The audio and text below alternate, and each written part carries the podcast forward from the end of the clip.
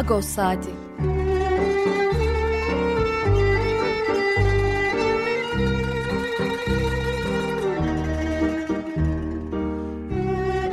Haftalık Agos gazetesinin penceresinden Türkiye ve Dünya gündemi. Agos'un mutfağından haberler, söyleşiler, olaylar.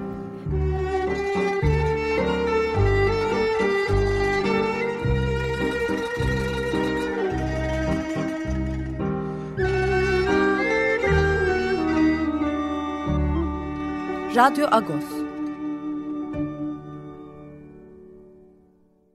Radyo Agos'tan günaydın. Parlus. Ben Yetvart Danzikyan. Bugün 25 Şubat Cumartesi yeni bir Radyo Agos'ta karşınızdayız. Ee, bir türküyle başladık. Ee, Aşık Serdari'nin bir türküsü bu. Nesini söyleyeyim canım efendim e, ismi. Belkıs Akkale, Buran Şeşen, Edip Akbayram, Onur Akın, Hüseyin Turan, Mehmet Gümüş, Mustafa Özaslan ve Ufuk Beydemir bir araya gelip bu kaydı yapmışlar. Aşık Serdari e, 1800'lerde yaşamış Sivas Şarkışla doğumlu bir e, ozan. E, bu bilinen bir e, türküsü onun. E, bu az evvel saydığım e, beş ünlü, e, beşten fazla e, halk e, müzisyeninde bir araya gelip böyle bir kayıt yaptılar. Son günlerin ağırlığıyla ilgili e, olduğunu düşünüyorum. E, hepsini bir arada duymak hakikaten e, önemli oldu e, bu dönemde. Onların sesini duymuş olduk. Evet, e, depremin ağırlığını hala hissediyoruz doğal olarak. E, üç hafta geçmiş olacak pazartesi günü depremin üzerinden. E, 21 gün geçmiş olacak. E, sarsıntılar hala sürüyor. Yardım bekleyenler hala var. Enkazlar e, hala bir kısmı kaldırılmadı. E, can kaybı sayısı 44 bini geçmiş durumda. Dolayısıyla deprem doğal olarak en önemli gündem maddemiz. Yardım faaliyetleri bir taraftan e, sürüyor. E, bu hafta ne var? E, birazdan e, Cem Çapar konumuz olacak. E, Vakıflı Köyü de e, çünkü artık e, etkilenmiş vaziyette bu depremden. E, 6 Şubat'ta belki hafif etkilenmişti ama 20 Şubat'taki Hatay depremleri sarstı Vakıflı Köyü. Cem Çapar'la konuğumuz olacak. Onunla, e, Vakıflı Köy Kilisesi Vakfı Başkanı. İkinci bölümde Hacar, e, Ermeni Mimarlar e, Mühendisler Yönet Derneği Yönetim Kurulu Baş üyesi Kevork Özkanagöz konumuz olacak. Çünkü Ermeni okullar İstanbul'daki deprem artık gündemimize girdi bir taraftan da. E, Ermeni okullarında nasıl bir çalışma yürütülebilir e, onu konuşacağız. Son bölümde de FİSA Çocuk Okulları Merkezi'nden Ezgi Koman konuğumuz olacak. E, bazı sivil toplum kuruluşları geçen hafta deprem bölgesine gittiler. E, e, gözlemlerde, incelemelerde bulundular. E, bir rapor haline getirdiler oradaki ihtiyaçları ve sorunları.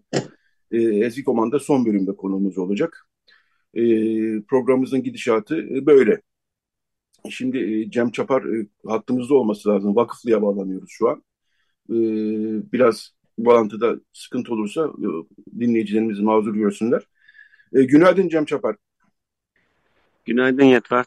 Herkese günaydınlar. E, günaydın. Önce geçmiş olsun diyelim. E, sen ayrıca bir de e, annen yaralandı. E, 20 Şubat e, Hatay merkezdeki depremde ayrıca. Sana ayrıca geçmiş olsun. Hem de vakıflı ve bütün bölgeye geçmiş olsun diyelim senin e, şahsında. Çünkü ciddi bir, e, bütün bölgede ciddi bir yıkım var. Şimdi e, şöyle başlayalım. 26 e, Şubat'taki depremde e, Vakıflı Köyü e, de ufak tefek hasarlar oluşmuştu. Çatlaklar e, kilisede bilhassa ama 20 Şubat Hatay merkezli iki deprem arka arkaya e, bunlar hasar büyüttüler ve e, bütün evler neredeyse kullanılamaz, içine girilemez hale geldi. E, 6 Şubat'ta aslında e, Vakıflı Köyü'nden e, çocuklar, e, eşleriniz, anneleriniz İstanbul'a gelmişti ama e, erkekler kalmıştı köyde öyle biliyorum. Fakat 20 Şubat'tan sonra orada da artık e, evleri girilemez bir durum var.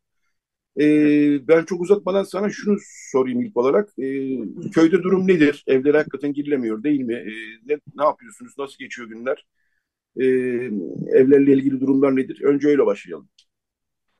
Şimdi e, özellikle 20 Şubat'taki deprem e, hem bize e, evlerimize ağır hasar verdi. Merkezi bize çok yakındı.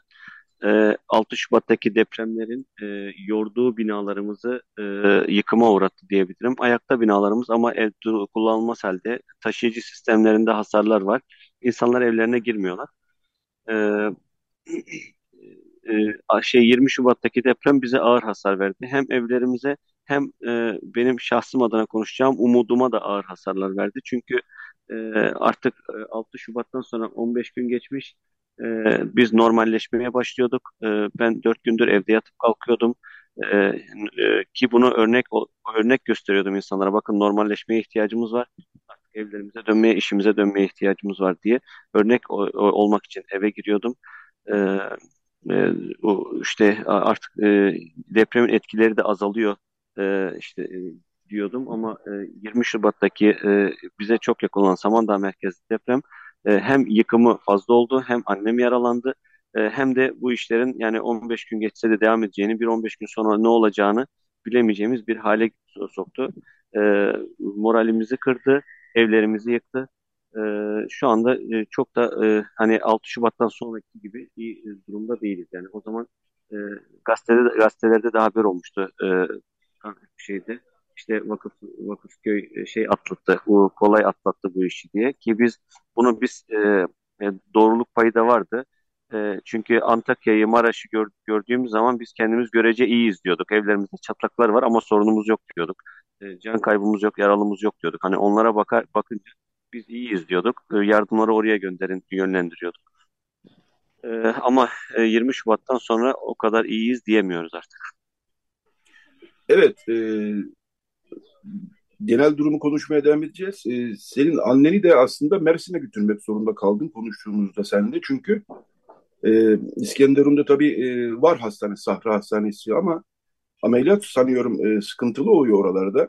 Evet. E, öyle bir durumu var. Yani hastaneler durumundan e, açısından durum nedir? E, İskenderun'da, Hatay'da, Antakya'da?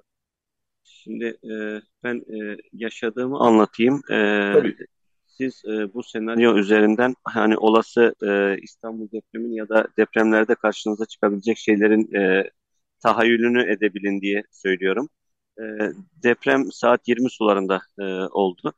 E, e, annemin üstüne e, bir duvar devrildi. E, ay, şey başı yaralandı. A, ayağın ayağında da e, kırık vardı e, apar topar e, e, hastaneye götürdüm. Samandağ Devlet Hastanesi duvar çökmüş durumdaydı. İçeride içeri hasta almıyorlar, tahliye etmişlerdi. Ambulansta e, hastanenin önündeki ambulansta pansumanını yapıp Antakya Sahra Hastanesi'ne e, yönlendirdiler beni. Sahra Hastanesi Antakya Şehir Hastanesi de çökmüş, dur çökmüş durumda. Bahçesine bir çadır hastane kurmuşlar Sahra Hastanesi. Oraya gittim. Orada görece biraz daha iyiydi. E, röntgen çekilme imkanı oldu. Tomografi e, çekilmedi e, röntgen çekilme ihtimali oldu, e, e, imkanı oldu. Dikişleri atıldı. E, işte ayağı için operasyon gerektiği söylendi ama burada operasyon olmayacağı, Adana, e, helikopterle Adana'ya sevk ettiği, yani bu tip hastaları helikopterle Adana'ya sevk ettiklerini söylediler. E, şimdi Adana'ya e, hem annemi yalnız bırakamazdım hem ben Adana'ya gidemezdim. Arabam orada e, şey ana baba günü bir yerde hani güvenli bir yerde değil. E, Mersin'de de kardeşim olduğu için Arabayı Mersin'e sürdüm. Saat 4'te yani 20'de olan depremi saat e, sabaha karşı 4'te hastaneye ulaşabildim ancak. E, hani siz mesela olası böyle bir depremde başınıza gelebilecekleri hayal edin, düşünün. E, yollar kapanıyor. E, köprüler yerinden oynuyor. E, ne diyecektim? Elektrik kesiliyor. E, hastaneler çökmüş oluyor. E, bu son depremde olmadı ama önceki depremde Hatay Havalimanı kullanılmaz halde e, kullanılmaz hale gelebiliyor. E, e, bunlar e, e, yani büyük e, senaryolar. Evet, e, he, hepimizin kendimizin yapabileceği şeyler var. Kendi evlerimizi kontrol ettirip e, işte daha güven e, evlerimizi güçlendirerek e, e, yapabileceği önlemler var. Ama e, şey e, büyük çerçeveden baktığımız zaman e, bu e, bunun dev, bir devlet eli, e, bu işe bir devlet eli gerekiyor. E, devlet eli gerekiyor. Yoksa hani başka türlü hiç kimse kendi başına böyle bir afetten çıkamaz. Böyle bir afete de hiç kimse tek başına hazırlanamaz diyor. Evet, e, şimdi 6 Şubat'tan sonra e, Vakıflıköy'deki e, işte çocuklar ve e, kadınlar büyük oranda e, İstanbul'a gelmişlerdi. Yani yeni bir sarsıntının e, sıkıntısını yaşamak adına ama erkekleri büyük oranda orada kaldı diye biliyorum. Şimdi 6 Şubat'tan sonraki durumu 3 aşağı 5 yukarı konuşmuştuk zaten. E, kimi evlerle kalabiliyordu, kimi işte köy kahvesinde kalabiliyordu. 20 Şubat'tan sonra şimdi evlere girilemiyor. Peki e, çadır, e, yeterli çadır var mı? E, ne, yap, ne yapıyorsunuz? E, nasıl geçiyor 20 Şubat'tan bu yana günler? Bir kısım bir kısım çadır geldi, edindik. Ee, şimdi e, takdir edersiniz ki felaket e, tüm boyutu çok büyük. 11 ilde e, artı Halep ve Laskiye. 11 ilin içinde olmayan Halep ve Laskiye'de e, Laskiye'yi vurdu deprem. E, depremin boyutu çok büyük. E, yardımlar da şey e, hani e, yardımın e, ulaşması da e, az şey yapabiliyor. Bu büyüklüğe göre e, zorlaşabiliyor. E, şöyle düşünülmesin. Depremin ilk gününden beri biz e, yardım e, yardımlara ulaşabildik. Yani e, e, bu bu konuda hani bütün bütün Türkiye halkından e, yani minnet borçluyuz. E, çok bizi çok duygulandıran e, şeyler oldu. E, aç kalmadık e, ki paramızla dahi e, bir şeyler satın alabileceğimiz market yok. E, ekmek satın alabileceğimiz fırın yok. Benzin ala, alabileceğimiz benzin yok. Benzinlik yok. E, hani e, bu bu yardımlar bize ulaştı. ilk günden beri ulaştı. E, aç kalmadık, açıkta kalmadık e, ne diyecektim bu konuda e, bütün e, e, bütün Türkiye'den e, te, te, bütün Türkiye'ye teşekkürü borç biliyoruz. E, bunu bütün depremzedeler adına söyleyebilirim. Hep herkesi yanımızda hissettik. E, herkesi yanımızda hissettik. E, e, bütün depremzedeler adına teşekkür edebilirim. Ee, şimdi çadırlara gelecek olursak 6 Şubat'tan sonra bir kısım çadır edindik ama e, biz e, görece daha iyi olduğumuz için e, evleri tam yıkılanlara gönderin diye bir, bir kısım şey yaptık. E, bir kısım bu çadırları e, başkalarına yönlendirdik. Onların daha çok ihtiyacı var diye. Biz görece daha iyiyiz diye. Ama 20 Şubat'taki deprem şu anda bizde yıktı. Artık çadır ihtiyacımız vardı. Bir kısım çadır edindik. E, ama e, mesela e, e, benim ailem babamın ailesi iki aile ama biz bir aile bir evde kalıyoruz. E, şey, bir çadırda kalıyoruz. E, üç e, şey üç aile ay bir çadırda kalanlar var. Hani çadır geldikçe ki gelme ihtimali var. Gelme ihtimali var. Geldikçe temin edeceğiz ve geldikçe temin edeceğiz ve biz de bu şekilde yaşayacağız. Be, belli oldu ki uzun süre böyle yaşayacağız. Hani çünkü artçılar devam ediyor. Şeyini de bilemiyoruz. Hani e, artçılığa devam ediyor ama yeni depremler de olabiliyor. Beklenen depremler var. E, bu konuda hani bu travmayı atlatmak öyle kolay olmayacak. E, bir müddet en azından ben şahsım adına bir müddet çadırda yaşamaya devam edeceğim diye düşünüyorum. E, dolayısıyla şöyle anlıyorum. E, çadır temininde bir sıkıntı olmadı ama e, yeni çadır gönderilmesinde de hiçbir mahsur yok. Evet, evet hiçbir mahsur yok. Hani e, biz e, temin etmiş olsak bile e, e, ihtiyacı olan başkalarına yönlendiriyoruz. E, hepimiz burada depremzedeyiz. E, depremzedenin, e, depremzedeliğin e, şey, dini milliyeti e, şeyi yok, e, siyasi görüşü yok, e, işte e, cinsiyeti yok. Hep, yani herkes e, aynı e, aynı şeyde, e, aynı e, mağduriyette e, ve hepimiz insanız. E, bu açıdan hani e, yeni çadırlar e, temin edilebiliyorsa bölgeye gönderilsin. E, e, kimin imkanı varsa e, hatta konteynerler konuşulmaya başlandı biraz daha kalıcı olması itibariyle e, bunların bile e, bunların bile bölge bölgenin bunlara bile ihtiyacı vardır diyorum. Evet, e, gerek deprem yardımları size ulaşıyor, gerek Patrikhane Sosyal Yardım Komisyonu'nun yardımları da bildiğim kadarıyla size ulaşıyor. Evet. E, bütün bunların ötesinde ama somut bir durum. E, daha fazla çadırın hiçbir mahsuru yok. E, bunu anlıyoruz. Evet. E, tabii evlere girilemediği için de... ihtiyacımız var. Mahsur yok derken ihtiyacımız var. Onu söyleyeyim. Evet ihtiyaç var daha doğrusu. Çadır ihtiyacı var. Bunu söyleyelim bir kere. E, bunun altını çizelim bir kere. E, tabii evlerin nasıl onarılacağı e, filan bunlar e, sonraki konu gibi gözükmekle beraber yine de sizin kafanızı zihninizi meşgul evet. eden konular tabii. E, yani evet. çünkü evet artçı sarsıntılar sürüyor ama bir taraftan da e, bir toparlanma e, havasına da girilmesi gerekiyor. Çünkü yani yıkıl bir duvar yıkılmış ya da kullanılamaz haldeki evlere baka baka insanın e, can da sıkılıyor tabii. Daha da fazla canı sıkılıyor. Bu anlamda e, çok erken olduğunu biliyorum ama bir e, düşünce, e, fikir, e, hazırlık e, var mı evlerin nasıl onarılacağı konusunda? Ee, evet, e, şimdi e, Haycar'dan arkadaşlarımız var, e, mimar ve mühendis arkadaşlarımız var. İlk günden beri aradılar. Hemen gelelim, size yardımcı olalım, hasar tespiti yapalım, e, ne yapıla, ne yapacağını konuşalım e, diye ilk günden aradılar, e, ilgilendiler. Biz o, o dönem biraz beklettik dedik. Yani şu anda aşçılar devam ediyor.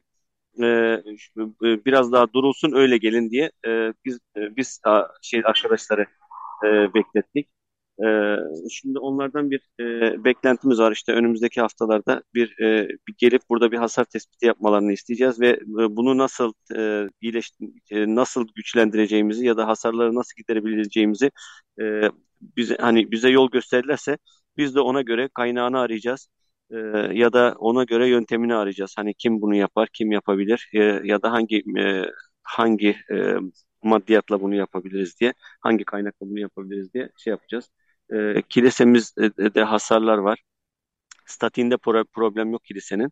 E, öyle görünüyor daha doğrusu. E, ama taş kaplamaları vardı. Kaplamalar düştü. E, Horan'da, Mıgır, Mıgırdaran'da e, kırık şey e, dağıldı, kırıldı daha doğrusu. E, e, kırıldı. E, kilisemizin müştemilatlarında e, sorunlar var. E, bunların her birinin e, yapımı, e, rekonstrüksiyonu e, ya da tamiratı için e, bize uzman görüş gerekiyor. E, sağ olsunlar o konuda da e, hani bizden yardıma esirgemeyeceklerini bildirdiler. E, Hacer olarak arkadaşlar bizim de onlardan bir beklentimiz var zaten. Evet bu da bu, bu da önemli. E, son olarak e, şunu sorayım e, Cem Çapar. Senin Samandağ'da bir veteriner kliniğin vardı. O da hasar gördü. Oradan yola çıkarak e, sorayım. E, 20 Şubat'taki e, ikinci depremler de büyük yıkım yarattı. E, Samandağ'da çok büyük bir yıkım oldu. Yani Antakya'yı biliyoruz, Hatay'ı biliyoruz, İskenderun'u biliyoruz. Samandağ ve etrafında da çok büyük bir yıkım olduğunu e, duyuyoruz, görüyor, e, televizyondan görüyoruz. Nedir durum Samandağ'da? Ee, Samandağ'da e, 850 e, ölüm oldu. Ee,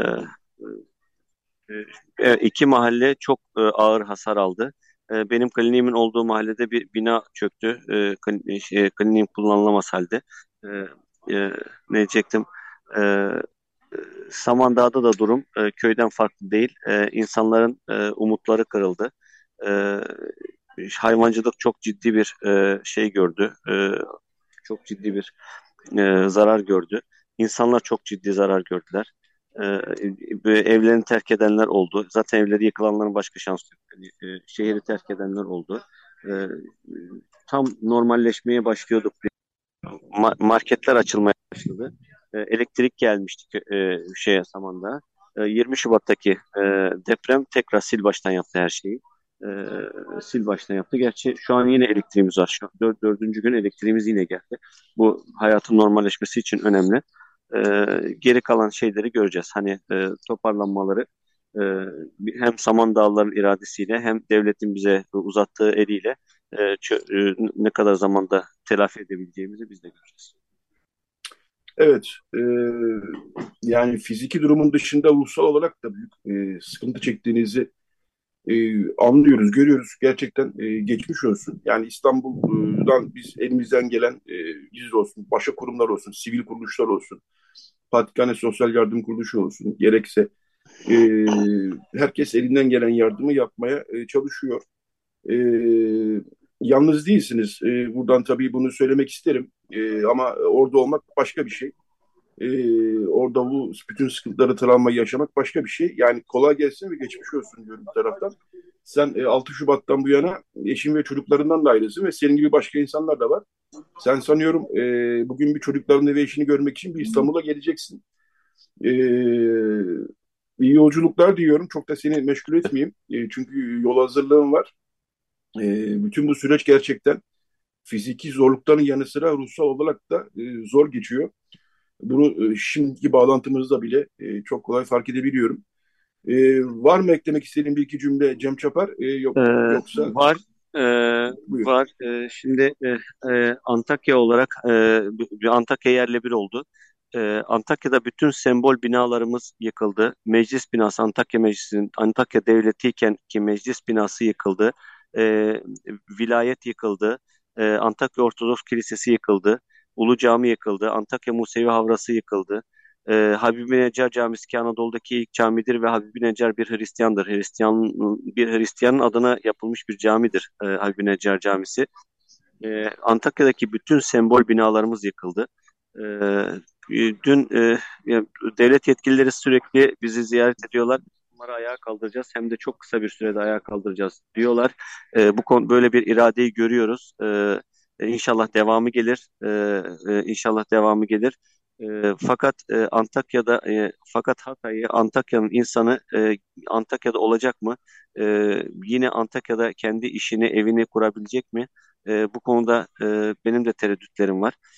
E, bir e, daha önce başka bir e, kanala söylediğim bir söz vardı. Burada tekrar etmek istiyorum. E, ben eminim ki e, Hatay'da, Antakya'da e, humusu, künefeyi tekrar yapacağız biz. E, ama aynı insanlarla mı yapacağız? E, bunu e, e, bundan emin değilim. E, e, bu, bu konuda kaygılarım var. E, e, ben e, e bir e, Ermeni olarak e, köyümde, e, e, ilimde, memleketimde bu toprakların kadim bir e, halkı olarak e, burada yaşamaya devam etmek istiyorum. E, buranın e, Hatay'ın e, Ortodoksları böyle, e, Hatay'ın Alevileri, Hatay'ın Sünnileri bu şekilde ee, inşallah e, bu topraklarda yine e, bu barış ortamını, bu huzur ortamını sağlayabiliriz. Evlerimizi, işlerimizi kurabiliriz diyorum. E, bu konuda da desteğe ihtiyacımız var. E, başta devlet eli olmak üzere e, herkesin yardımına ihtiyacımız var. E, çünkü bir şehir yerle bir oldu. E, siz, size de hani bana bunları söyleme fırsatı e, verdiğiniz için teşekkür ediyorum. Herkese geçmiş olsun diyorum. Çok geçmiş olsun Cem Çapar. Ee, bütün ölenlere de buradan e, rahmet dileyelim tekrar. Yakınlarına başsağlığı ve sabır dileyelim ve e, hepimize, bütün ülkeye e, kuvvet dileyelim. Kuvvet temenni edelim. E, Samandağ Vakıflı Köyü e, Kilisesi Vakfı Başkanı Cem Çapar konuğumuzdu. Çok teşekkürler Cem Çapar. Tekrar kolay gelsin ve geçmiş olsun diyorum size. Evet, e, Cem Çapar'la sanıyorum son cümlesini alamadık ama zaten son mesajlarını e, bu bölüm için, e, bu bağlantı için son cümlelerini söylemişti, e, mesajlarını vermişti. O mesajlar zaten duyuldu neyse ki. E, bağlantı bazen e, zayıf olabiliyor. Dolayısıyla ama e, Cem Çapar'la e, konuştuk, e, sesini duyabildik, e, bütün sorunlara dinleyebildik. Tekrar buradan biz Cem Çapar'a teşekkür edelim. Evet bu bölümü artık e, kapatıyoruz. Çünkü ikinci bölümde Kevorköz Közkaragöz Hacer Yönetim Kurulu üyesi konuğumuz olacak. Bu bölümü bir e, şarkıyla kapatalım. Yine dönemin ruhuna uygun bir şarkıyla kapatalım. E, Vova, bugünlerin e, ruhuna, e, ağırlığına uygun bir şarkıyla kapatalım. Vova'dan dinleyeceğiz. Bir hemşin e, türküsü bu. İnce Harhan'ı dinleyeceğiz. Daha sonra reklam arası, daha sonra Radyo Agos devam edecek. Radyo Agos. Evet, Radyo Agos devam ediyor. İkinci bölümünde, bir bölümünde programımızın e, Haycar e, Hayrat Canlandırma Derneği e, üyesi, yönetim kurulu üyesi e, Mimar Kevork Özkaragöz konuğumuz olacak. Kendisiyle ne konuşacağız? E, geçen hafta, e, tam bir hafta önce aşağı yukarı e, Patrikhane'de bir toplantı yapıldı ve e, beklenen İstanbul depremi gündemimizde bir taraftan da. Evet, e, yıkımla uğraşıyoruz. Yıkım için elimizden gelen her şeyi yapıyoruz. E, oradaki sıkıntılar sürüyor. O sıkıntılar sürerken belki İstanbul depremini konuşmak e, yersiz kaçabilir bir taraftan ama bir taraftan da gerekiyor bunları konuşmak çünkü bekleniyor. Yani bu söyleniyor. Gelecek, gelecek, gelecek deniyor. Hatta çok da e, vakti kalmadı bu işin e, deniyor. Dolayısıyla e, böyle olunca da e, çocukların e, öğrenim gördüğü okul binaların durumu nedir? Bunu konuşmakta e, gerekli. Hep konuşuluyor zaten ama iş bir aciliyet kazandı. Geçen hafta Patrikhane'de bir toplantı oldu. Okulda olan vakıfların başkanları katıldı.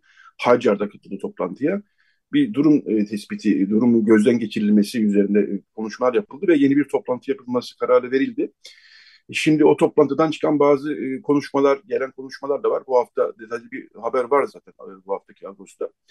E, Kevork Bey e, şu an konuğumuz. Günaydın Kevork Bey, hoş geldiniz yayınımıza. Günaydın, iyi günler. Teşekkürler.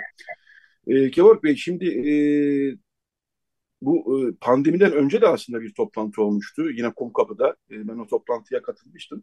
O zaman da bunlar detaylı biçimde konuşuldu. Daha sonra bir toplantı daha yapalım dendi. Araya pandemi gitti.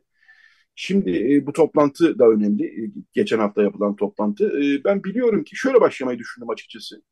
Ben biliyorum ki sizin Hacer olarak, mimar ve mühendisler olarak Ermeni okullarına yönelik bir dört dörtlük yani devletin yapacağı türden bir tespit değil ama yani hani e, gene de sizin kendi gözlemleriniz, deneyimleriniz, birikimlerinize göre bir e, şeyiniz olmuştu. Gezmiştiniz okulları diye biliyorum. Şöyle başlayalım. Ermeni okulları e, için hepsinin bir e, kurumsal e, devletle bağlantılı bir e, kurumla deprem testi yapılması yaptırması e, gerekiyor galiba değil mi? Öyle mi başlasak? Evet, çok kısa bir kronoloji vereyim. Ee, Türkiye Ermenileri Patrikliği SAAK 2 göreve geldiğindeki ilk projesi bu olmuştu. 2021 yılında derneğimize bu görevi tevdi etti kendileri. 17 okul vakfımızın 28 ayrı binasında pandemi döneminde 3 aylık süreyle bütün bu okulları gezdik. Gözleme dayalı olarak tüm yapı projeleri önümüze alınarak ve yerinde sahada yapılan gözlemlerle bir raporlama yaptık. Fakat bu raporlama e, bilimsel içeriği olan bir raporlamaydı. İstanbul mikro bölgeleme haritalarından elde edilen zemin verileriyle üst yapı özellikleri e, çakıştırıldı ve ortaya karşılaştırmalı bir e, tablo sunduk. Yani 28 okulumuzun performansı nedir? Bunları biz sunduk. Bu önemli bir çalışmaydı ki buradan zaten bir e, ivme kazandı ve harekete geçildi. Sizin de bahsettiğiniz gibi geniş katılımlı tüm paydaşların katıldığı bir e, toplantı düzenlendi ve basınımız da orada vardı. Bu konu orada da gündeme getirildi ama maalesef e, biz biraz e, unutmaya meyilliyiz. E, burada e, zaten istenen bu e, devletin istediği, milli eğitimin istediği zorunlu olarak e, bir rapor talep edilmişti ama e, çok az okulumuz buna e, yanıt verdi ama sizin de bahsettiğiniz gibi bu son yapılan Patrikhan'daki depremden sonra yapılan toplantıda bütün bunlar zaten milli eğitimin de istediği standartlarda her okulumuz tarafından hem yönetmelik gereği hem de toplumumuza bunu e, sunmamız açısından e, yapılacaktır. Ve bu çalışmalar da başladı vakıflarımız tarafından. Yani şimdi kim okulların zaten bir raporu var ama 2018 yönetmeliğinden önce kim okullar 2018 yönetmeliğine göre bir rapor almışlar zaten. Kim okullar daha yolun başındalar öyle anlıyorum. Evet. Böyle farklı farklı gruplar var okullarımız açısından. Şimdi Doğru. şöyle belki daha rahat anlayabiliriz e, bu durumu. Ben veyahut da belki daha rahat anlayabilirim. X bir okul diyelim ve tarihi bir okul. Yani aslında belki de siz gruplayabilirsiniz. Tarihi okullar var, daha az tarihi okullar var, hiç tarihi olmayan binalar var. Ama diyelim ki tarihi bir okuldan başlayalım. Yani 1800'lerin sonunda 1900'lerin başında yapılmış bir okul düşünelim Ermeni okulu. Şimdi bu okul nasıl bir e, yol izlesin? 1930'larda 40'larda yapılmış bir okul nasıl bir yol izlesin? Evet. Daha yeni sayılabilecek bir okul nasıl bir bilmiyorum. Sizin kategorileştirmeniz tabii daha önemli ama ben kendi kafamdaki grupları saydım. Sözü çok, ben size bırakayım. Çok, çok doğru bir yaklaşım sergilediniz. Şimdi şöyle yapalım. Önce yapıları tarihsellik açısından bir e, kronolojiye tutalım. Bir de e, bugünkü gerçek durumları ve zemin durumlarına göre kategorize edelim. Buradan zaten bir sonuca ulaşacağız. Şimdi tarihi yapılar zaten e, 2018 deprem yönetmeliği açısından devre dışı bırakılan bir yapı grubu. Çünkü hiçbir şekilde zaten buradaki modelleme örnekleriyle e, performansın ölçülmesi mümkün değil zaten. Hem yapım tekniği hem de bina özellikleri gereği bu zaten şey e, mümkün gözükmüyor. 1930'lu 40'lı yıllarda yani betonarmeye geçiş döneminde e, 30'larla 70'li yıllar arasını diyelim e, burada yapılan e, okul yapı stoklarımız var. Bunların da zaten gene 2018 deprem şartnamesini sağlaması mümkün değil. E, hatta 2014 yılında yapılan işte betonarme yeni yapılar, bütün kurallara uygun yeni yapılan yapılarda bile 2018 deprem şartları sağlanama, sağlanamayabilir. Şimdi bu durumda e, demek oluyor ki bizim neredeyse tüm okullarımızın bu e, analizleri yaptırması zorunlu. Şimdi bu analizler toplumda farklı dalgalanabilir. Yapıldığı dönemdeki deprem şartnamelerine uygun, yapı standartlarına uygun yapılmışsa o günkü şartlara göre bunları değerlendirmek daha doğru. Yani bu işin mantığıdır. Yani 2018'e uymayacağı aşikardır. E peki biz ne yapacağız? Bütün bu yapı stoğumuzu yok varsayacağız o zaman. Bu da çok akılcı değil. Çünkü eğitim dediğimiz şey sürekli olan şey, kesinti uğramaması gerekir. Bunda da tabii ki mutlaka öğrenci transferleri, e, kayıt aktarma diğer okullara, rehabilite etme ya da işte sahra e, okulları kurmak gibi birçok yöntem var. Şimdi bu birinci model. Demek ki tarihi eser binalarımız bu e, performans analiziyle çözümlenecek yapılar değil. Burada ne yapacağız? Tarihi eserlerin güçlendirilmesi tabii Anıtlar Kurulu'yla paralel olarak proje üretimlerle birlikte izinler alınarak yapılması gereken bir çalışma. E, bunda da oldukça e, yetkin mühendislik büroları var. Bunlardan profesyonel hizmetler alınacaktır ve bunlar mutlaka ve mutlaka yapılmak zorunda. Çünkü hem tarihi eser hem fonksiyon devam eden e, bir okul ve hem de sembol olması açısından bu yapılar kendi içinde ayrı bir kategori. Şimdi ben bir kategorize e, profili daha e, ortaya koymak istiyorum. Şimdi bu yapılarımız hangi zemin üstünde? E, bu yapılar, evet. Bu yapıların bir kısmı gerçekten e, kötü zemin diyebileceğimiz yani performansı düşük. E, deprem anında ivmeyi üzerine çok fazla alacak. E, yapıya da bunu oldukça yüksek yansıtacak zeminlerin üzerinde bulunan tarihi yapılarımız var. E, erken dönemde yapılmış betonarme yapılarımız var. Gevşek zeminler üzerinde bunlardan bahsediyorum. Bunların mutlaka mutlaka her şekliyle güçlendirilmesi veya bazılarının yıkılıp yeniden yapılması gerekiyor. E, ikinci kategori yapılar nispeten nitelikli zemin üzerinde bulunan tarihi yapılar veya betonarme yapılar. Bunların da altyapı yani zemin dediğimiz bölümlerinde tarihi yapıların mutlaka mutlaka zemin iyileştirilmesi yapılmalı diye düşünüyorum ki bu binalar detaylı incelendiğinde bunlar e, büyük bir ihtimalle çıkacaktır. Çünkü yapının zaman içindeki, toprak içindeki e, nem, rutubet ya da yapıya e, geç dönemlerde eklenen ilave yükler olabilir fonksiyon gereği. Bütün bunların tek tek analiz edilmesi lazım. Biraz teknik konu ama teknik konular e, hayati sonuçlar doğurabiliyor. Evet. E, bütün bunlara dikkat etmemiz lazım. Ben bir de şunu ifade etmek istiyorum. Biz yakın gelecekte İstanbul ya da Marmara depremi demek istiyorum. Sadece İstanbul'la bunu tabii sınırlı tutamayacağız. Aslında ne olacağını, ne yaşayacağımızı maalesef Maraş depreminde canlı olarak televizyon kanallarımızdan, sıcak evlerimizden izledik. Bu aslında e, ileride olacak e, bu felaketin e, bize bir uyarısı. Bizim burada kaçınacağımız artık hiçbir nokta yok. Depremle bizim nasıl mücadele edeceğimizi, yani bu aslında bir e, cephe savaşına hazırlık olarak ben görüyorum. E, mutlaka ve mutlaka bu hazırlığı başlamamız gerekiyor, yapmamız gerekiyor. Burada planlı hareket etmek gerekiyor. Yani sınırlı mali kaynaklarımız var. Yeniden inşa gibi önemli problemlerimiz olacak ve kesintisiz eğitim gibi bir başka problemimiz var. Yani biz hayatı durduramayacağız. Ben bu arada bir sesleniş daha yapmak istiyorum. Elbette. Sadece, sadece kullanıcı kesimi yavrularımız, öğrencilerimiz değil. Burada e, okul binaları içinde öğretmenlerimiz var, eğitimcilerimiz var, e, görevlilerimiz var. E, ben burada Öğretmenler Vakfımızı da e, göreve davet ediyorum. Yani paydaşlarımızdan bir tanesi de vakıflar kadar sorumlu olan e, Öğretmenler Vakfı'dır. E, bu yapının tüm kullanıcıları o binalarda olacaklar. Ben bir de şunu ifade etmek istiyorum. Eğitim dönemi, eğitim saatine baktığımız zaman bizim e, burada okuyan eğitim veren insanlarımızın yüzde 25 zamanı yaklaşık yılda bu alanlarda geçiyor. Bu alanları kullanıyoruz. Bu demek oluyor ki biz bu yapıları iyileştirirsek, depreme karşı güçlendirirsek veya yeniden yaparsak riski yüzde 25 azaltmış olacağız. Yani bütün bunların hepsi e, düşünülerek hareket edilmeli e, ve mücadele böyle olmalı diyor.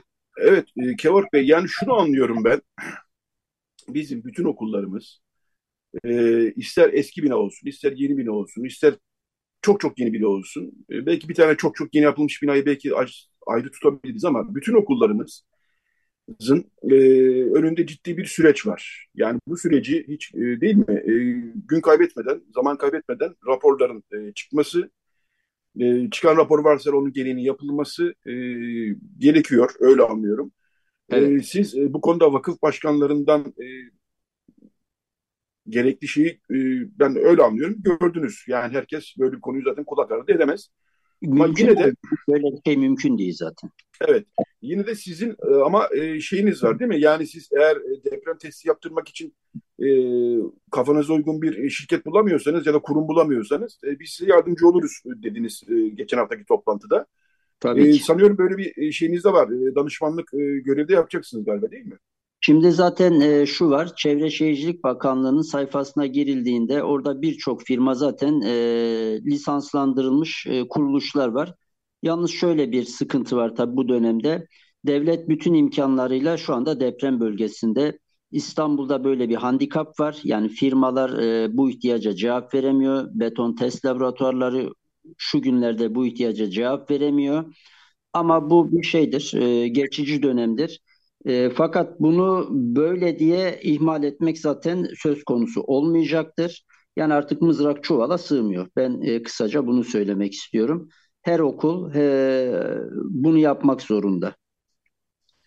Peki e, ben yine de e, biraz başa dönmüş gibi olacağım ama e, şimdi biz e, Ermeni toplumu olarak haklı olarak da övünürüz. Yani bizim okullarımız işte eski okullardır, iyi okullardır. Bina olarak işte 1800'lerin sonlarında yapılmış, 1900'lerin başlarında yapılmış diyoruz. Şimdi bu okullar için özellikle e, bir anıtlar kuruluyla temasa geçmek e, gerekiyor. İlk adım o galiba. Öyle mi anlıyorum? Şöyle bina yeni dahi olsa mutlaka bizimkiler kilise yakınında yamacında olduğu için e, her halükarda tarihi eser yakında olmasından kaynaklı yine anıtlar kuruluyla irtibat kurulacaktır. Anlıyorum. Peki e, son olarak e, sonlara doğru daha doğrusu şunu da sorayım ben size. Siz aynı zamanda Yeşilköy e, kilis, okulu ve kilisesi vakfının yönetimindesiniz. Doğru. E, şimdi Yeşilköy aslında bir opera, e, operasyon mu diyeyim, proje diyeyim daha doğrusu. Projeye gidişmiş vaziyette. Seçimden önce e, siz anlatmıştınız bu detaylı biçimde. Doğru. E, Yeşilköy'ün e, okul binası aslında e, yıkılacak ve o bahçede başka bir okul binası yapılacak. Evet. O süre için. E, sonra o okul binası tekrar e, yenilenmiş olacak e, gibi. Böyle kapsamlı bir projeye girişmiştiniz siz e, depremden önce ve seçimden e, önce de vaadiniz buydu. Evet. Şimdi o projede e, siz e, Cuma günü geçen haftaki toplantıda e, demiştiniz ki yani Yeşilköy'ün e, öğrencisi 288 küsür. Biz o e, yeni yapılacak binayı 600 kişilik hale getirebiliriz. Dolayısıyla yenileme veyahut da e, acilen e, bir bölümünü boşaltma gereği duyan okulların öğrencilerine de burada e, hizmet verebiliriz demiştiniz. Biraz Tabii. bu durumdan bahsedebilir misiniz? Yani bazı okullar belki de hemen e, bir kısmını boşaltması gerekebilir. Belki evet. de boşaltması boşaltmak üzeredir belki de. Yani bütün binayı değilse de bazı bölümlerini belki boşaltması gerekecek bazı okullarımızın. Hemen e, onların e, öğrenim görevliliği açısından nasıl bir planlama e, söz konusu? Şimdi bahsettiğiniz konu kapasiteyi doğru kullanma ve arazi yaratma, proje yaratma ile alakalı. Yeşilköy Vakfı olarak biz bu çalışmaya göreve geldiğimiz ilk dakikadan itibaren başladık ve çalışma devam ediyor.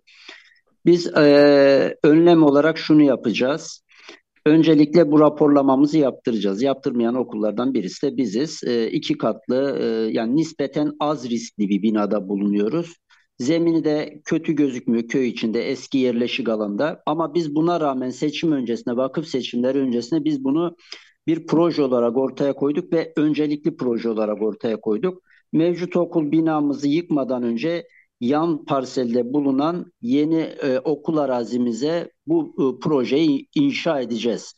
Bu yaklaşık 600 öğrenci kapasiteli olacak. Bizim yaklaşık 300 öğrenci kapasiteli öğrencimizi bu bina bittiği anda yeni binaya transfer edeceğiz ve eski stok binamızı yıkacağız. Ve oraya da 400 öğrenci kapasiteli yeni ilk öğretim okulumuzu yapacağız. Bu demek oluyor ki böyle bir arazide planlı ve etaplı bir yapılaşmayla bin öğrenci kapasitesine ulaşacağımız bir okul binamız olacak. Yani ilk öğretim ve lise programı olan yeni bir projeye sahip olacağız. Bu demek oluyor ki toplumumuzun üçte bir öğrenci kapasitesini bu okulda rahatlıkla eğitim aldırabilir duruma geleceğiz. Ben buradan diğer vakıflara da çağrıda bulunmuş olayım. Böyle bir kapasiteyi mutlaka kullanmak zorundayız. Üçüncü bölge seçim bölgesinde Dadyan okulumuzda zaten bu problemini çözmüştü. 400 öğrenci kapasiteli tertemiz yeni bir eğitim binasına kavuşmuştu. Bu demek oluyor ki yaklaşık 1400 öğrenci kapasitesini e, seçim bölgesine göre söylüyorum. Üçüncü bölgede rahatlıkla e, kurgulayabiliyoruz. Bu yakın gelecek zaten. Evet. E, bu anlamda peki sizin şeyiniz başladı mı? E, Plan çalışmaları yani, başladı. İdari çalışmalarımızla paralel yürüyor zaten. Dolayısıyla e, yakın zamanda e, aslında bildiğimiz Yeşilköy Okulu'nu e, yıkma e, hemen değil tabii. Önce şey yapılacak değil mi? Orada bina yapılacak. Önce bina yapılacak ki öğrencilerimizi çağdaş, e, güvenli bir binaya alalım. Ondan sonra mevcut yapımızı yıkacağız. Orayı da 400 öğrenci kapasitesine çıkaracak projemiz hazır zaten.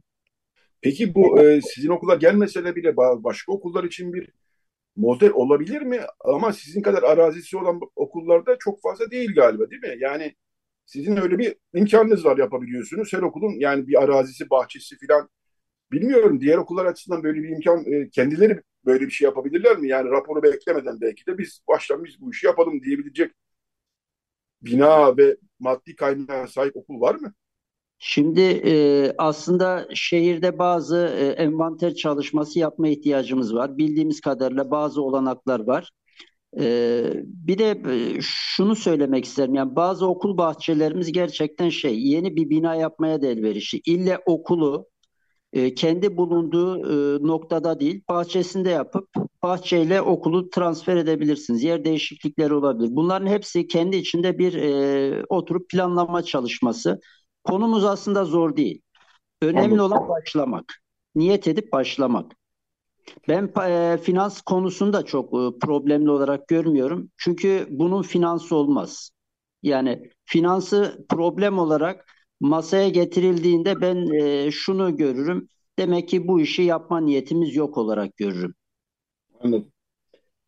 E, son bir sorum o zaman e, Kemal Bey size. E, yayınlar önce konuştuğumuz zaman, dün konuştuğumuz zaman şunu da söylemiştiniz. Evet okullar binalarına bakmamız lazım fakat vakıfların mülk stokunda da ciddi problemler var. Yani şu vakfın şurada bir apartmanı, şu vakfın şurada bir binası var diyoruz ya hep alışılagelmiş evet. vaziyette. Onların da ciddi biçimde e, sanıyorum elden geçirilmesi gerekiyor değil mi? Son olarak onu konuşalım isterseniz. Ee, çok doğru. Burada dediğimiz gibi işte mali bütçe, bu okulların yenilenmesiyle ilgili kaynak yaratma konusunda e, okulu olan veya olmayan vakıf ayrımı zaten yapılmayacaktır burada. Herkes e, bu işin altına e, girecektir, elini taşın altına sokacaktır. Burada şunu söylemek istiyorum. E, vakıflarımız kendi elindeki e, akar envanterini sayısal çokluğuyla övünmek yerine nitelik çokluğuyla övünmesini artık e, görev edinmeli diye düşünüyorum. Burada e, benim şu kadar dairem var, bu kadar apartmanım var demek yerine ben bunların bir kısmından vazgeçerim. Nitelikli okul yapılarım, geleceğimi e, emanet ettiğim çocuklarımı sağlam binalarda okutmam gerekir e, fikrini ön plana çıkarmalıdır bence bu saatten sonra şehir içinde e, stoğu e, bol olan fakat yıpranmış kira geliri dahi getirmeyen birçok e, vakıf gayrimenkulümüz var. Bence bunları da oturup önümüze alıp e, ayıklayıp kaynak yaratma yolu bence model olarak seçilebilir. Evet bu da en az okul binaları kadar e, onlar kadar değilse bile önemli. Orada da çünkü insanlar yaşıyor bir taraftan. Tabii ki. E, bu da önemli. Peki, e, çok teşekkür ediyoruz. E, Hacer e, Yönetim Kurulu üyesi, aynı zamanda Yeşilköy Vakfı e, Yönetim Kurulu üyesi. Kevork Özkaragöz konuğumuzdu. E, bu konuları daha çok konuşacağız. Öyle gözüküyor e, Kevork Bey. Evet, çok maalesef. teşekkürler katkınız için. E, toplantı, e, geçen haftaki toplantıyı biraz detaylı biçimde e, Ermeni okullarının depreme dayanıklılığı konusunu detaylı biçimde konuşmuş olduk. E, son cümle olarak bütün okulların e, aslında ciddi bir teste ihtiyacı olduğunu söyleyebiliriz değil mi? E, katılıyorum e, ve acil olarak yapılması gerekiyor. Evet. Son cümlemiz böyle olsun. Dediğim gibi bu konuyu daha çok konuşacağız. Çok teşekkürler Kavak Bey. Kolaylıklar diliyorum. İyi çalışmalar diliyorum. Teşekkür ediyorum. İyi hafta sonları diliyorum. Teşekkürler. Sağ olun.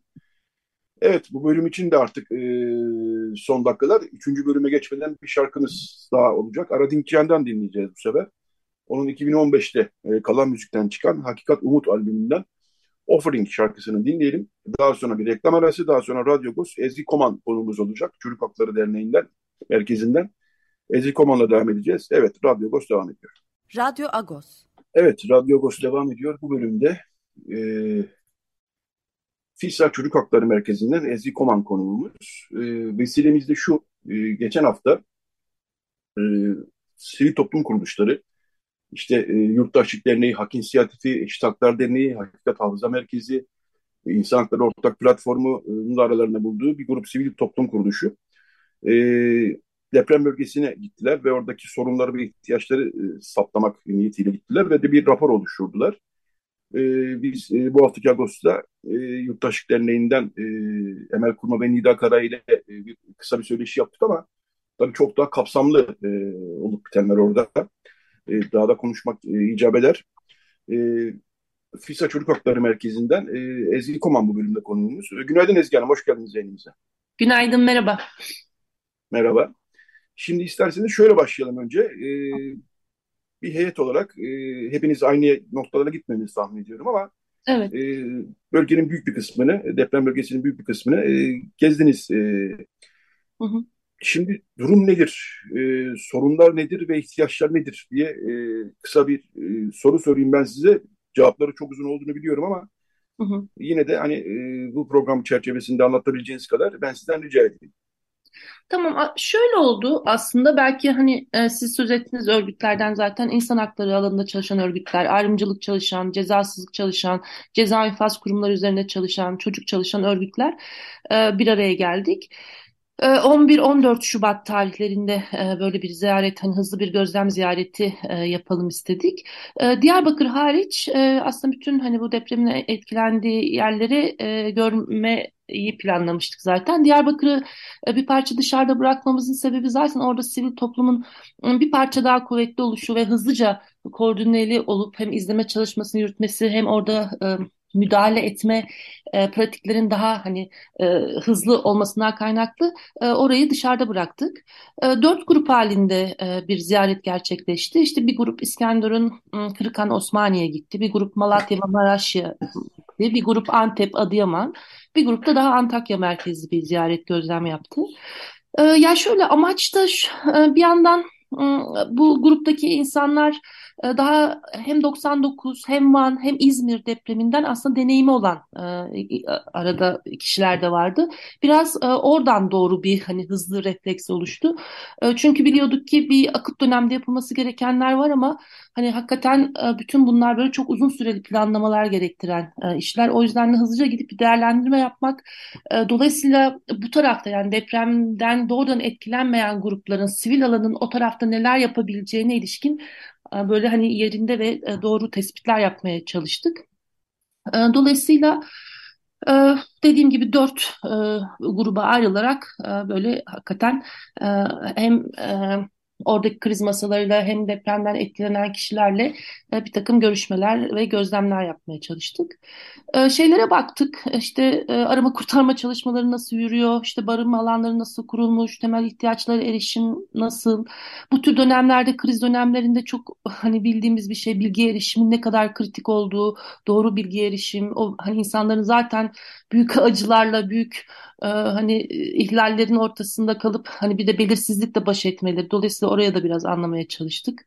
E, şey çok önemliydi tabii ki haklara ve özgürlüklere erişimde güçlük çeken grupların bu tür durumlarda, kriz durumlarında ee, hani bu, bu doğal afet ama aslında insan eliyle hani bu kadar derinleşiyor. Hani onu biliyoruz. Dolayısıyla bu grupların çok daha fazla etkileneceğini düşünüyorduk. Biraz onları oraları anlamaya çalıştık. Ee, böyle bir şey oldu. Evet bir rapor hazırlandı. Yarın öbür gün e, zaten hani yayınlanmış da olacak. Ama e, belki şeyi de söylemek gerekiyor. Tabii ki bizim hani dediğim gibi 11-14 Şubat tarihlerinde oradaydık. E, an be an her şey değişiyor. Her şey hani yeni ihtiyaçlar çıkıyor. Yeni ihlal alanları oluşuyor. Bazı şeyler biraz daha oturuyor. Daha koordineli oluyor. Ama benim anladığım yani belki de hepimizin hani adına da bunu söyleyebilirim. Gerçekten bu iş çok uzun süreli e, planlanması gerekiyor. E, böyle çok uzun süreli düşünmek gerekiyor. Orada görüştüğümüz kriz masasından birisi vardı bir kadın e, İskenderun'da. onun söylediği çok bence anlamlı geldi. Hmm, şey dedi yani gerçekten ihtiyaç olan şu anda aklı başında ve uzun süreli hani bu, bu işleri planlayabilecek kişi ve kurumlara ihtiyaç var burada diye. Bence çok haklı. Hani bütün bu şeyin raporun hepimize söylediği şey sanki evet. bu gibi bana. E, bu hafta gazetede de e, yaptığımız röportajda e, barınma, ısınma ve hijyen e, o dönem için yani 11-14 Şubat arası için en büyük sorun olarak onlar gözüküyordu. Sanıyorum evet. siz de e, benzer bir gözleme sahipsiniz. Evet. E, bu zaten e, geliyor sürekli. Yani oradan e, gazeteciler, muhabirler aracılığıyla, kurumlar aracılığıyla hı hı. barınmanın, ısınmanın çünkü kışın en şiddetli evet. zamanlarındayız. Hı hı. Barınmanın, ısınmanın ve e, temizlik, hijyen e, durumunun e, en büyük sorun ve ihtiyaç olduğunu anlıyoruz. Evet. E, sivil toplum çalışmalarıyla ilgili bir e, depremin neredeyse ikinci, üçüncü günden itibaren bir e, mesele oldu. Yani devlet diyebileceğimiz kurum, iktidar veyahut da çok e, kendisine bağlı olmayan sivil toplum kurumlarının çok oralara bulaşmasını istemiyor gibi bir havadaydı. Hı hı. O hava hala sürüyor aslına bakarsanız ama bu tip büyük felaketlerde sivil toplum kuruluşlarının, e, gönüllülerin e, ne kadar çok iş yaptıklarını, ne kadar çok faaliyet gösterdiklerini biliyoruz. 99 depreminden biliyoruz, daha önceki depremlerden biliyoruz, daha sonraki depremlerden biliyoruz. Evet. Bu anlamda e, sivil toplumun e, orada faaliyet göstermesi e, kolay oluyor mu? Yani iktidarla bağlantılı olmayan olanlar çalışıyorlar biliyoruz ama hı hı. iktidarın sevmediği mi diyeyim ne diyeyim artık bilmiyorum. Hı hı. E, haz etmediği mi diyeyim artık. Hı hı. E, onlar için e, rahat bir çalışma, rahat denmez buna. Tabii de yani en azından sorunsuz kendi işlerine odaklanabileceği veya böyle diyeyim bir ortam var mı? Ya aslında bunu galiba her bölge için e, aynı şekilde yanıtlayamayabiliriz. Hı hı. Örneğin Antakya ve İskenderun bir parça daha farklı. Osmaniye bambaşka ama Maraş, e, Malatya bambaşka, Antep, Adıyaman. E, yani belki şunu da söylemek gerekiyor. E, ya işte bu tür kriz durumları zaten hali hazırda yaşanılan her şeyi bir anlamda e, yüzeye çıkarttı. Ya bence bu deprem böyle hani hepimizi bu kadar çok etkilemesinin sebeplerinden biri de hani o tabii ki kişilere acıları falan lütfen hani hiç saygısızlık etmek istemem. Bütün bunların ötesinde hepimizin gördüğü şey zaten hani yaşadığımız sürekli telaffuz ettiğimiz her bir sorun alanının burada daha da derinleşerek böyle yüzeye çıkmış olması. Hani bu depremin en büyük etkilerinden biri o. Dolayısıyla sivil alandaki e, hani o durumda hani zaten hiçbirimizin muafı olmadığı işte gazetecilerin, işte insan hakları savunucuların, örgütlerin hali hazırdaki o baskıya maruz kalma durumu buralarda da açığa çıktı. Ama kentlere göre bence farklılık var. Hani benim hissettiğim şey onu söyleyebilirim. Örneğin hani e, kamunun ya e, bizim daha önceki depremlerde örneğin Van depreminde beklediğimiz e, manzara işte örneğin İskenderun'da yoktu. Ee, yani kamu yoktu. Gerçekten yoktu. Hani polisiyle yoktu. işte hani o baskı araçlarıyla zor araçlarıyla da yoktu örneğin. Hani zaten AFAD'ı hani o koordinasyonu, o hizmeti, müdahaleyi, acil e, e, eylemleri gerçekleştirecek kişiler, kurumlar yoktu ama hani o diğer anlamda da yoktu gerçekten. E, ama e, mesela işte Adıyaman çok daha farklı. Örneğin Adıyaman'da evet bir kriz masası var. Evet enteresan şekilde e, sivil toplum orada dahil ama sivil toplumun dahil olduğu zaten Adıyaman'da bugüne kadar e, ne diyeyim faaliyet gösteren işte daha din temelli, daha muhafazakar evet örgütler. Ee, ama zaten İskenderun'da öyle bir örgütlenme de yok. O yüzden mesela İskenderun'da bunun yansıması işte böyle örneğin Sosyal Haklar Derneği'nin orada bir e, şubesi var. İşte oradaki o şube temsilcisinin işte kendi e, özel e, kafesini işte bir yardım deposu haline dönüştürmesi ya da işte emek ve e, demokrasi gücünden temsilcilerin kendi söyledikleri şekliyle söylüyorum. İşte kalanlar buraya geldik, cemevinde toplandık ve burada başladık e, gibi. Hani hakikaten e, zaten oralar böyle nasıl diyeyim sivil alanın çok kuvvetli olmadığı yerler. Dolayısıyla hani e, kendi e, güçleri, kendi kalan kuvvetleri ile e, bir şeyler yapılmaya çalışmış. Ama dediğim gibi işte Adıyaman'da böyle. Maraş ise zaten mesela orada emek ve demokrasi e, güçleri de söz konusu değil. Anlatabiliyor muyum? İşte orada mesela mimarlar odası almış yürümüş hani bir şeyler yapmaya çalışıyor. Dolayısıyla çok farklı. E, biz şey soruşturmaya çalıştık. E, sözünüzü kestim galiba ama. Buyurun buyurun. Hayır buyurun. O hal e, ilan edildi tabii ki. Hani bu o halin etkisini nasıl görüyor sivil toplum? Ne hissediyor? Hani beklentisi ne diye. E, tabii herkes çok endişeliydi. E, yani bu o, o halin e, o an için hani bir doğrudan şeyini e, karşılaşmadık. Hani bunu kimse yaşamamıştı o akıt dönemde. Ama ileriye dönük e, şeyleri, beklentileri herkesin e, çalışmaların zorlaşacağı yönünde oldu. Ama o an için hani doğrudan ya bu o halden kaynaklı şöyle bir şey yapıldı gibi hani bunu e, gö görmedik. Ama tabii ki herkesin o hal deyince hepimizin deneyimi çok fark hani şey çok kötü olduğu için e, evet. tabii ki beklentiler bu yöndeydi. Hı -hı. Peki ben sizin e, daha çok e, odaklandığınız alana geleyim. E, FİSA Çocuk Hakları Merkezi adına siz gittiniz oraya. Şimdi tabii bu çocukların durumu konuşuluyor. Ya farklı farklı geri, e, nedenleri e, şeyleri var, boyutları var e, çocukların. Bir e, annelerini, babalarını ya da anne ya da babalarını e, kaybetmiş çocuklar var. Evet. E, öyle bir şey olmasa bile e, travmatik olarak e, etkilenmeleri çok mümkün. E, bir de bu çocukların e, şimdi son günlerdeki e, son 2-3 gündür e, yani kamu kurumlarının bunları bazı e, cemaatlere teslim ettiği yönünde iddialar var. Hı hı. E, şimdi sizin tabii orada gözlemeniz, gözlemleriniz belki bu kadar kapsamlı olmamıştır ama hı hı.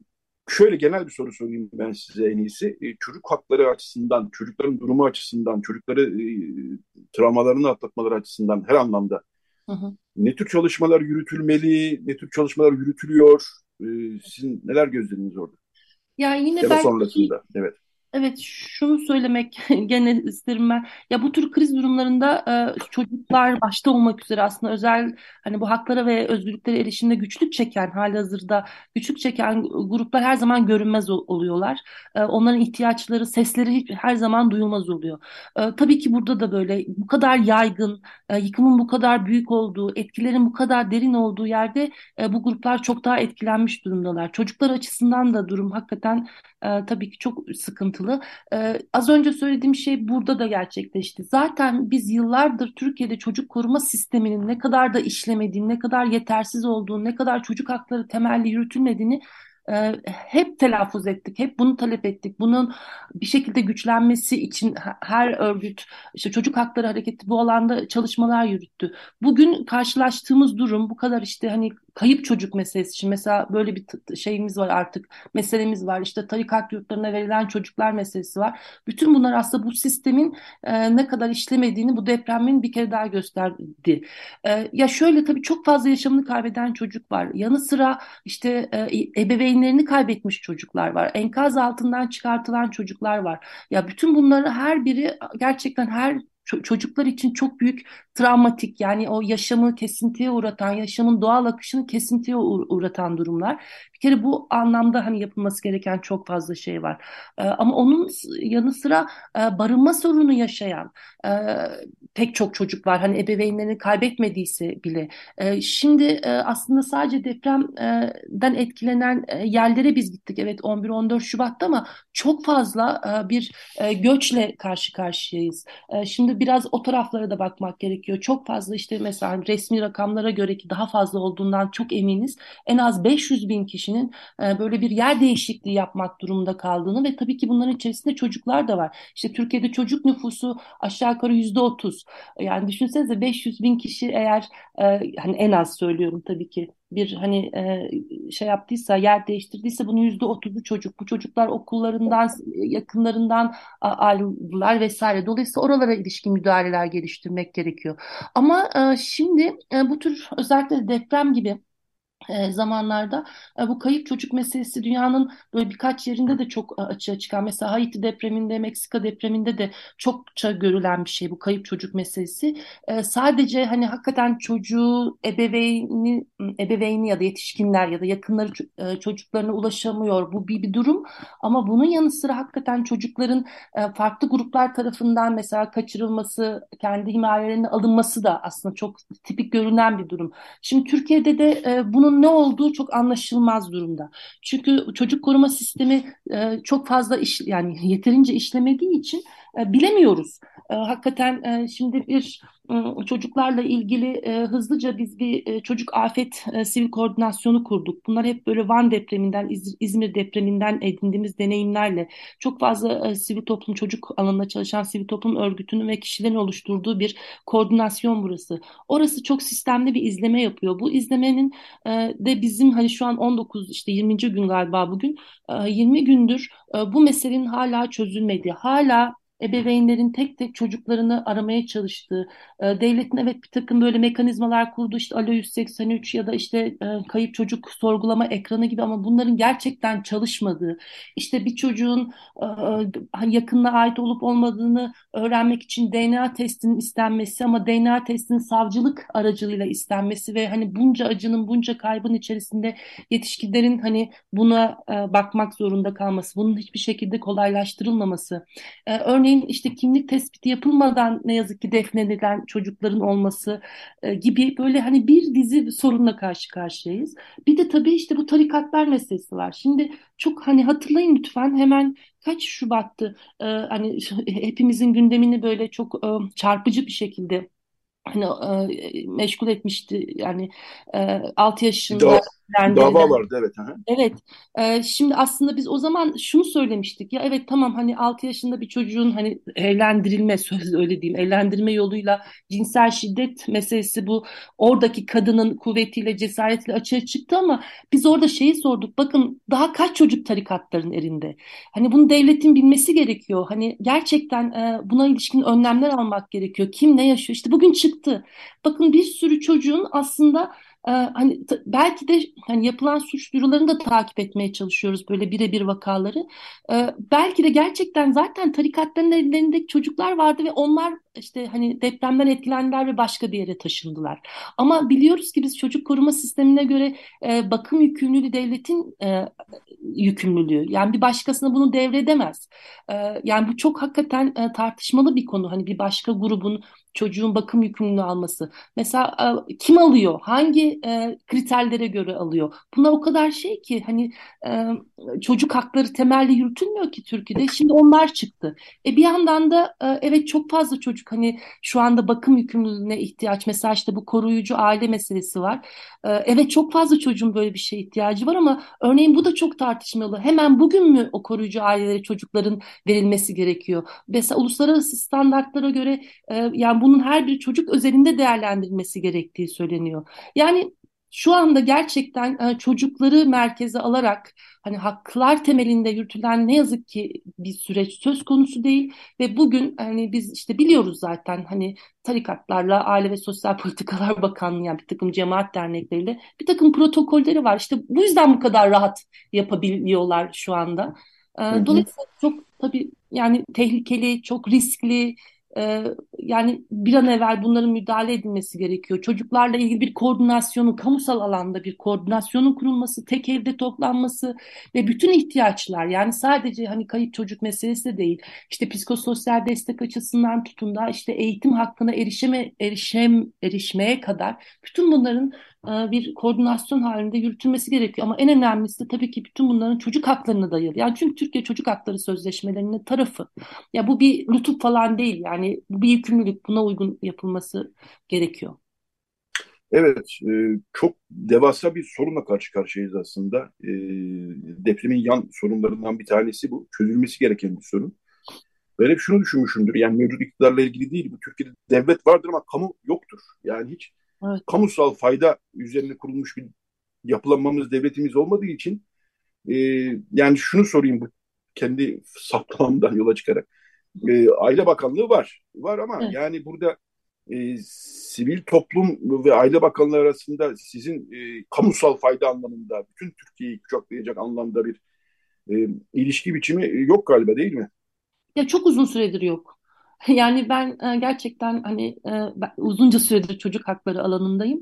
E, zaman zaman bunları böyle işte hani Aile ve Sosyal Politikalar Bakanlığı'na, Milli Eğitim'le böyle biraz daha hani haklar temelinde işbirlikleri yaptığımız dönemler oldu. Bunu söyleyebilirim ama şu gün insan haklarına dayalı çalışmalar yürüten örgütlerin böyle bir hani iletişimi, işbirliği, koordinasyonu ne yazık ki çok uzun süredir yok. İşte bunun etkileri bütün bunlar aslında. Evet bu konuda e, çok fazla yapılacak iş var. E, sivil evet. toplumun e, görüşlerine, e, faaliyetlerine evet. de ihtiyaç var. Buradan bir seslenmiş olalım. E, son bir iki dakikamız. E, bir iki, bir iki dakikaya sığacak bir konu olmadığını biliyorum ama e, göçmenlerin de çok büyük sıkıntı çektiğini görüyoruz, duyuyoruz. O anlamda e, birkaç cümlede söylemek ister misiniz? Evet, e, yani zaten işte çocuklar gibi hani mülteciler, romanlar örneğin e, bütün bu e, süreçlerde çok daha fazla etkilenenler. Tabii mültecilerin durumu biraz daha farklı. Yani zaten bu hani bir süredir aslında daha da artan onlara yönelik bu nefret söylemlerinin e, nefret suçlarının birebir e, şeyine etkisini tabii bu şeyde de süreçte de yaşandı. Tabii o, o bölge çok fazla mültecinin yaşadığı bir bölge. E, yani yıllardır orada yaşıyor insanlar. Ama yani şu anda bir hani kendi statüleri bakımından mülteci yani Türkiye'deki o şey geçici koruma altındaki e, olma durumundan kaynaklı bir takım sınırlıklarla karşı karşıyalar. Örneğin işte e, biz Kırıkan çok e, mültecinin yaşadığı bir yer. Orada bir grup mülteciyle hani görüşme olanağımız oldu. Hepsi bekliyorlar. Başlarına geleceğini bilemiyorlar. Kentten çıkamıyorlar. Kentten çıkmaları için AFAD'dan kağıt almaları gerekiyor. Ama AFAD onlara o kağıdı vermiyor. Vermemek için ortada görünmüyor gibi. Ya da işte işte e, eğer bir takım kentlere gitmeleri gerekiyor ama o gittikleri kentlerde barınma olanaklarına e, sahip o, olamıyorlar. Ya da işte mesela bir tek orada gördük. E, örneğin İskenderun'da işte e, şehir dışına çıkmak isteyen kişilere yönelik anonslar var. Ücretsiz otobüs anonsları ama mesela bu insanlar oralara dahil olamıyorlar ve e, örneğin nakil olmak için 15 bin lira 20 bin lira onlardan para isteniyor gibi. Yani gerçekten onlar bu durumdan en çok etkilenen hani gruplar aslında mülteciler. Ama mesela mesela e, roman nüfusu da e, aptal ya da işte hani o, o, o nüfus da örneğin o bölgede çok fazla. Onlar çadırlara da ulaşamıyorlar. Sadece gidip çok uzun bir süre sonra çadır alıp kendileri bir barınma alanı kuruyorlar. Dolayısıyla hani gerçekten e, bu tür hani haklara, özgürlüklere erişim konusunda güçlük çeken gruplar burada çok daha ağır bir e, şeyle e, nasıl diyeyim hasarla karşı karşıyalar. E, çok şey e, sıkıntılı. Belki ben şeyi de vurgulamak istiyorum. Şimdi defin usullerine de baktık. Tabii çok fazla yaşam kaybı olunca e, ne yazık evet. ki yani, e, böyle bir şey de bakmak zorunda kalınıyor. E, Evet hani bir takım kimlik tespitleri vesaireler yapılmaya çalışıyor. Devlet bazı yerlerde bir takım sistemler kurmaya çalışmış ama ben şey söylemek isterim. Antakya, İskenderun o bölge e, bir yandan da tek bir e, dini e, şey hani nasıl diyeyim din temelli Yek, yekpare bir nüfus yok orada evet. Yok evet ama biz gördük ki orada tek bir din usulü üzerinden yürütülüyor. Hani orada hani ne bileyim Ermeni nüfus var, başka nüfuslar var. Hani onların Arap Aleviler var. E, evet. Rum Ortodokslar var. Evet. Kesinlikle. Ve onlara ilişkin herhangi bir düzen ya onlar yokmuş gibi anlatabiliyor muyum? Hani sadece işte Diyanet Vakfı'nın e, kendi hani Sunni usullere göre defin işlemleri yürütülüyor. Bunlar tabii çok incitici. Hani oradaki zaten hani büyük acılar, büyük kayıplar yaşayan e, insanlar için e, ve hani devletin bir kere daha bunu bu şekilde görmezden gelmemesi, gelmiş olması tabii çok şey e, üzücü. Ama gene de ben şey hani böyle çok üzücü şeyler dedim ama e, her şeye rağmen evet orada bir sivil alan var. Pek çok kişi de gitmiş, kurum da gitmiş. Ya bu çok kıymetli bana kalırsa. Evet hani e, böyle sivil toplum içerisinde de koordinasyon sorunu var. İşte bir takım masalar var, kriz masaları birbirleri haberleşilemiyor. Çünkü çok akut dönemler, çok da olağan. Ama yine de orada birileri var her şeye rağmen mesela bu çocuk hakları hareketi için ben bunu kesinlikle söyleyebilirim. LGBT hareketi için de söyleyebilirim. Örneğin biz İskenderun'a gittik. Orada üç trans kadının yaşadığı ihlalle karşılaştık. Ama zaten işte uzun yıllar bu alanda çalışan KSG ile zaten o insanlara ulaşmıştı. Anlatabiliyor muyum? Hani bir yandan da evet sivil toplumun e, bence bir kuvvetimiz var. Hani buradan bakmak gerekiyor. İşte bugün e, çocuk hakları alanında örgütler bir hızlıca bir araya geldik ve hani bir, bir şey yapmaya çalışıyor. Kadınlar aynı şekilde. Dolayısıyla hani bu, buradan bakmak gerekiyor. Orada yeni sivil hani o hani kolektif yaşantı, yeniden inşa meseleleri bir sürü mesele var aslına bakarsanız. Hani orada birlikte olmak, e, tekrar hani birlikte güçlenmek oralardan çok önemli diye düşünüyorum. Hani böyle de bir tarafı var bence.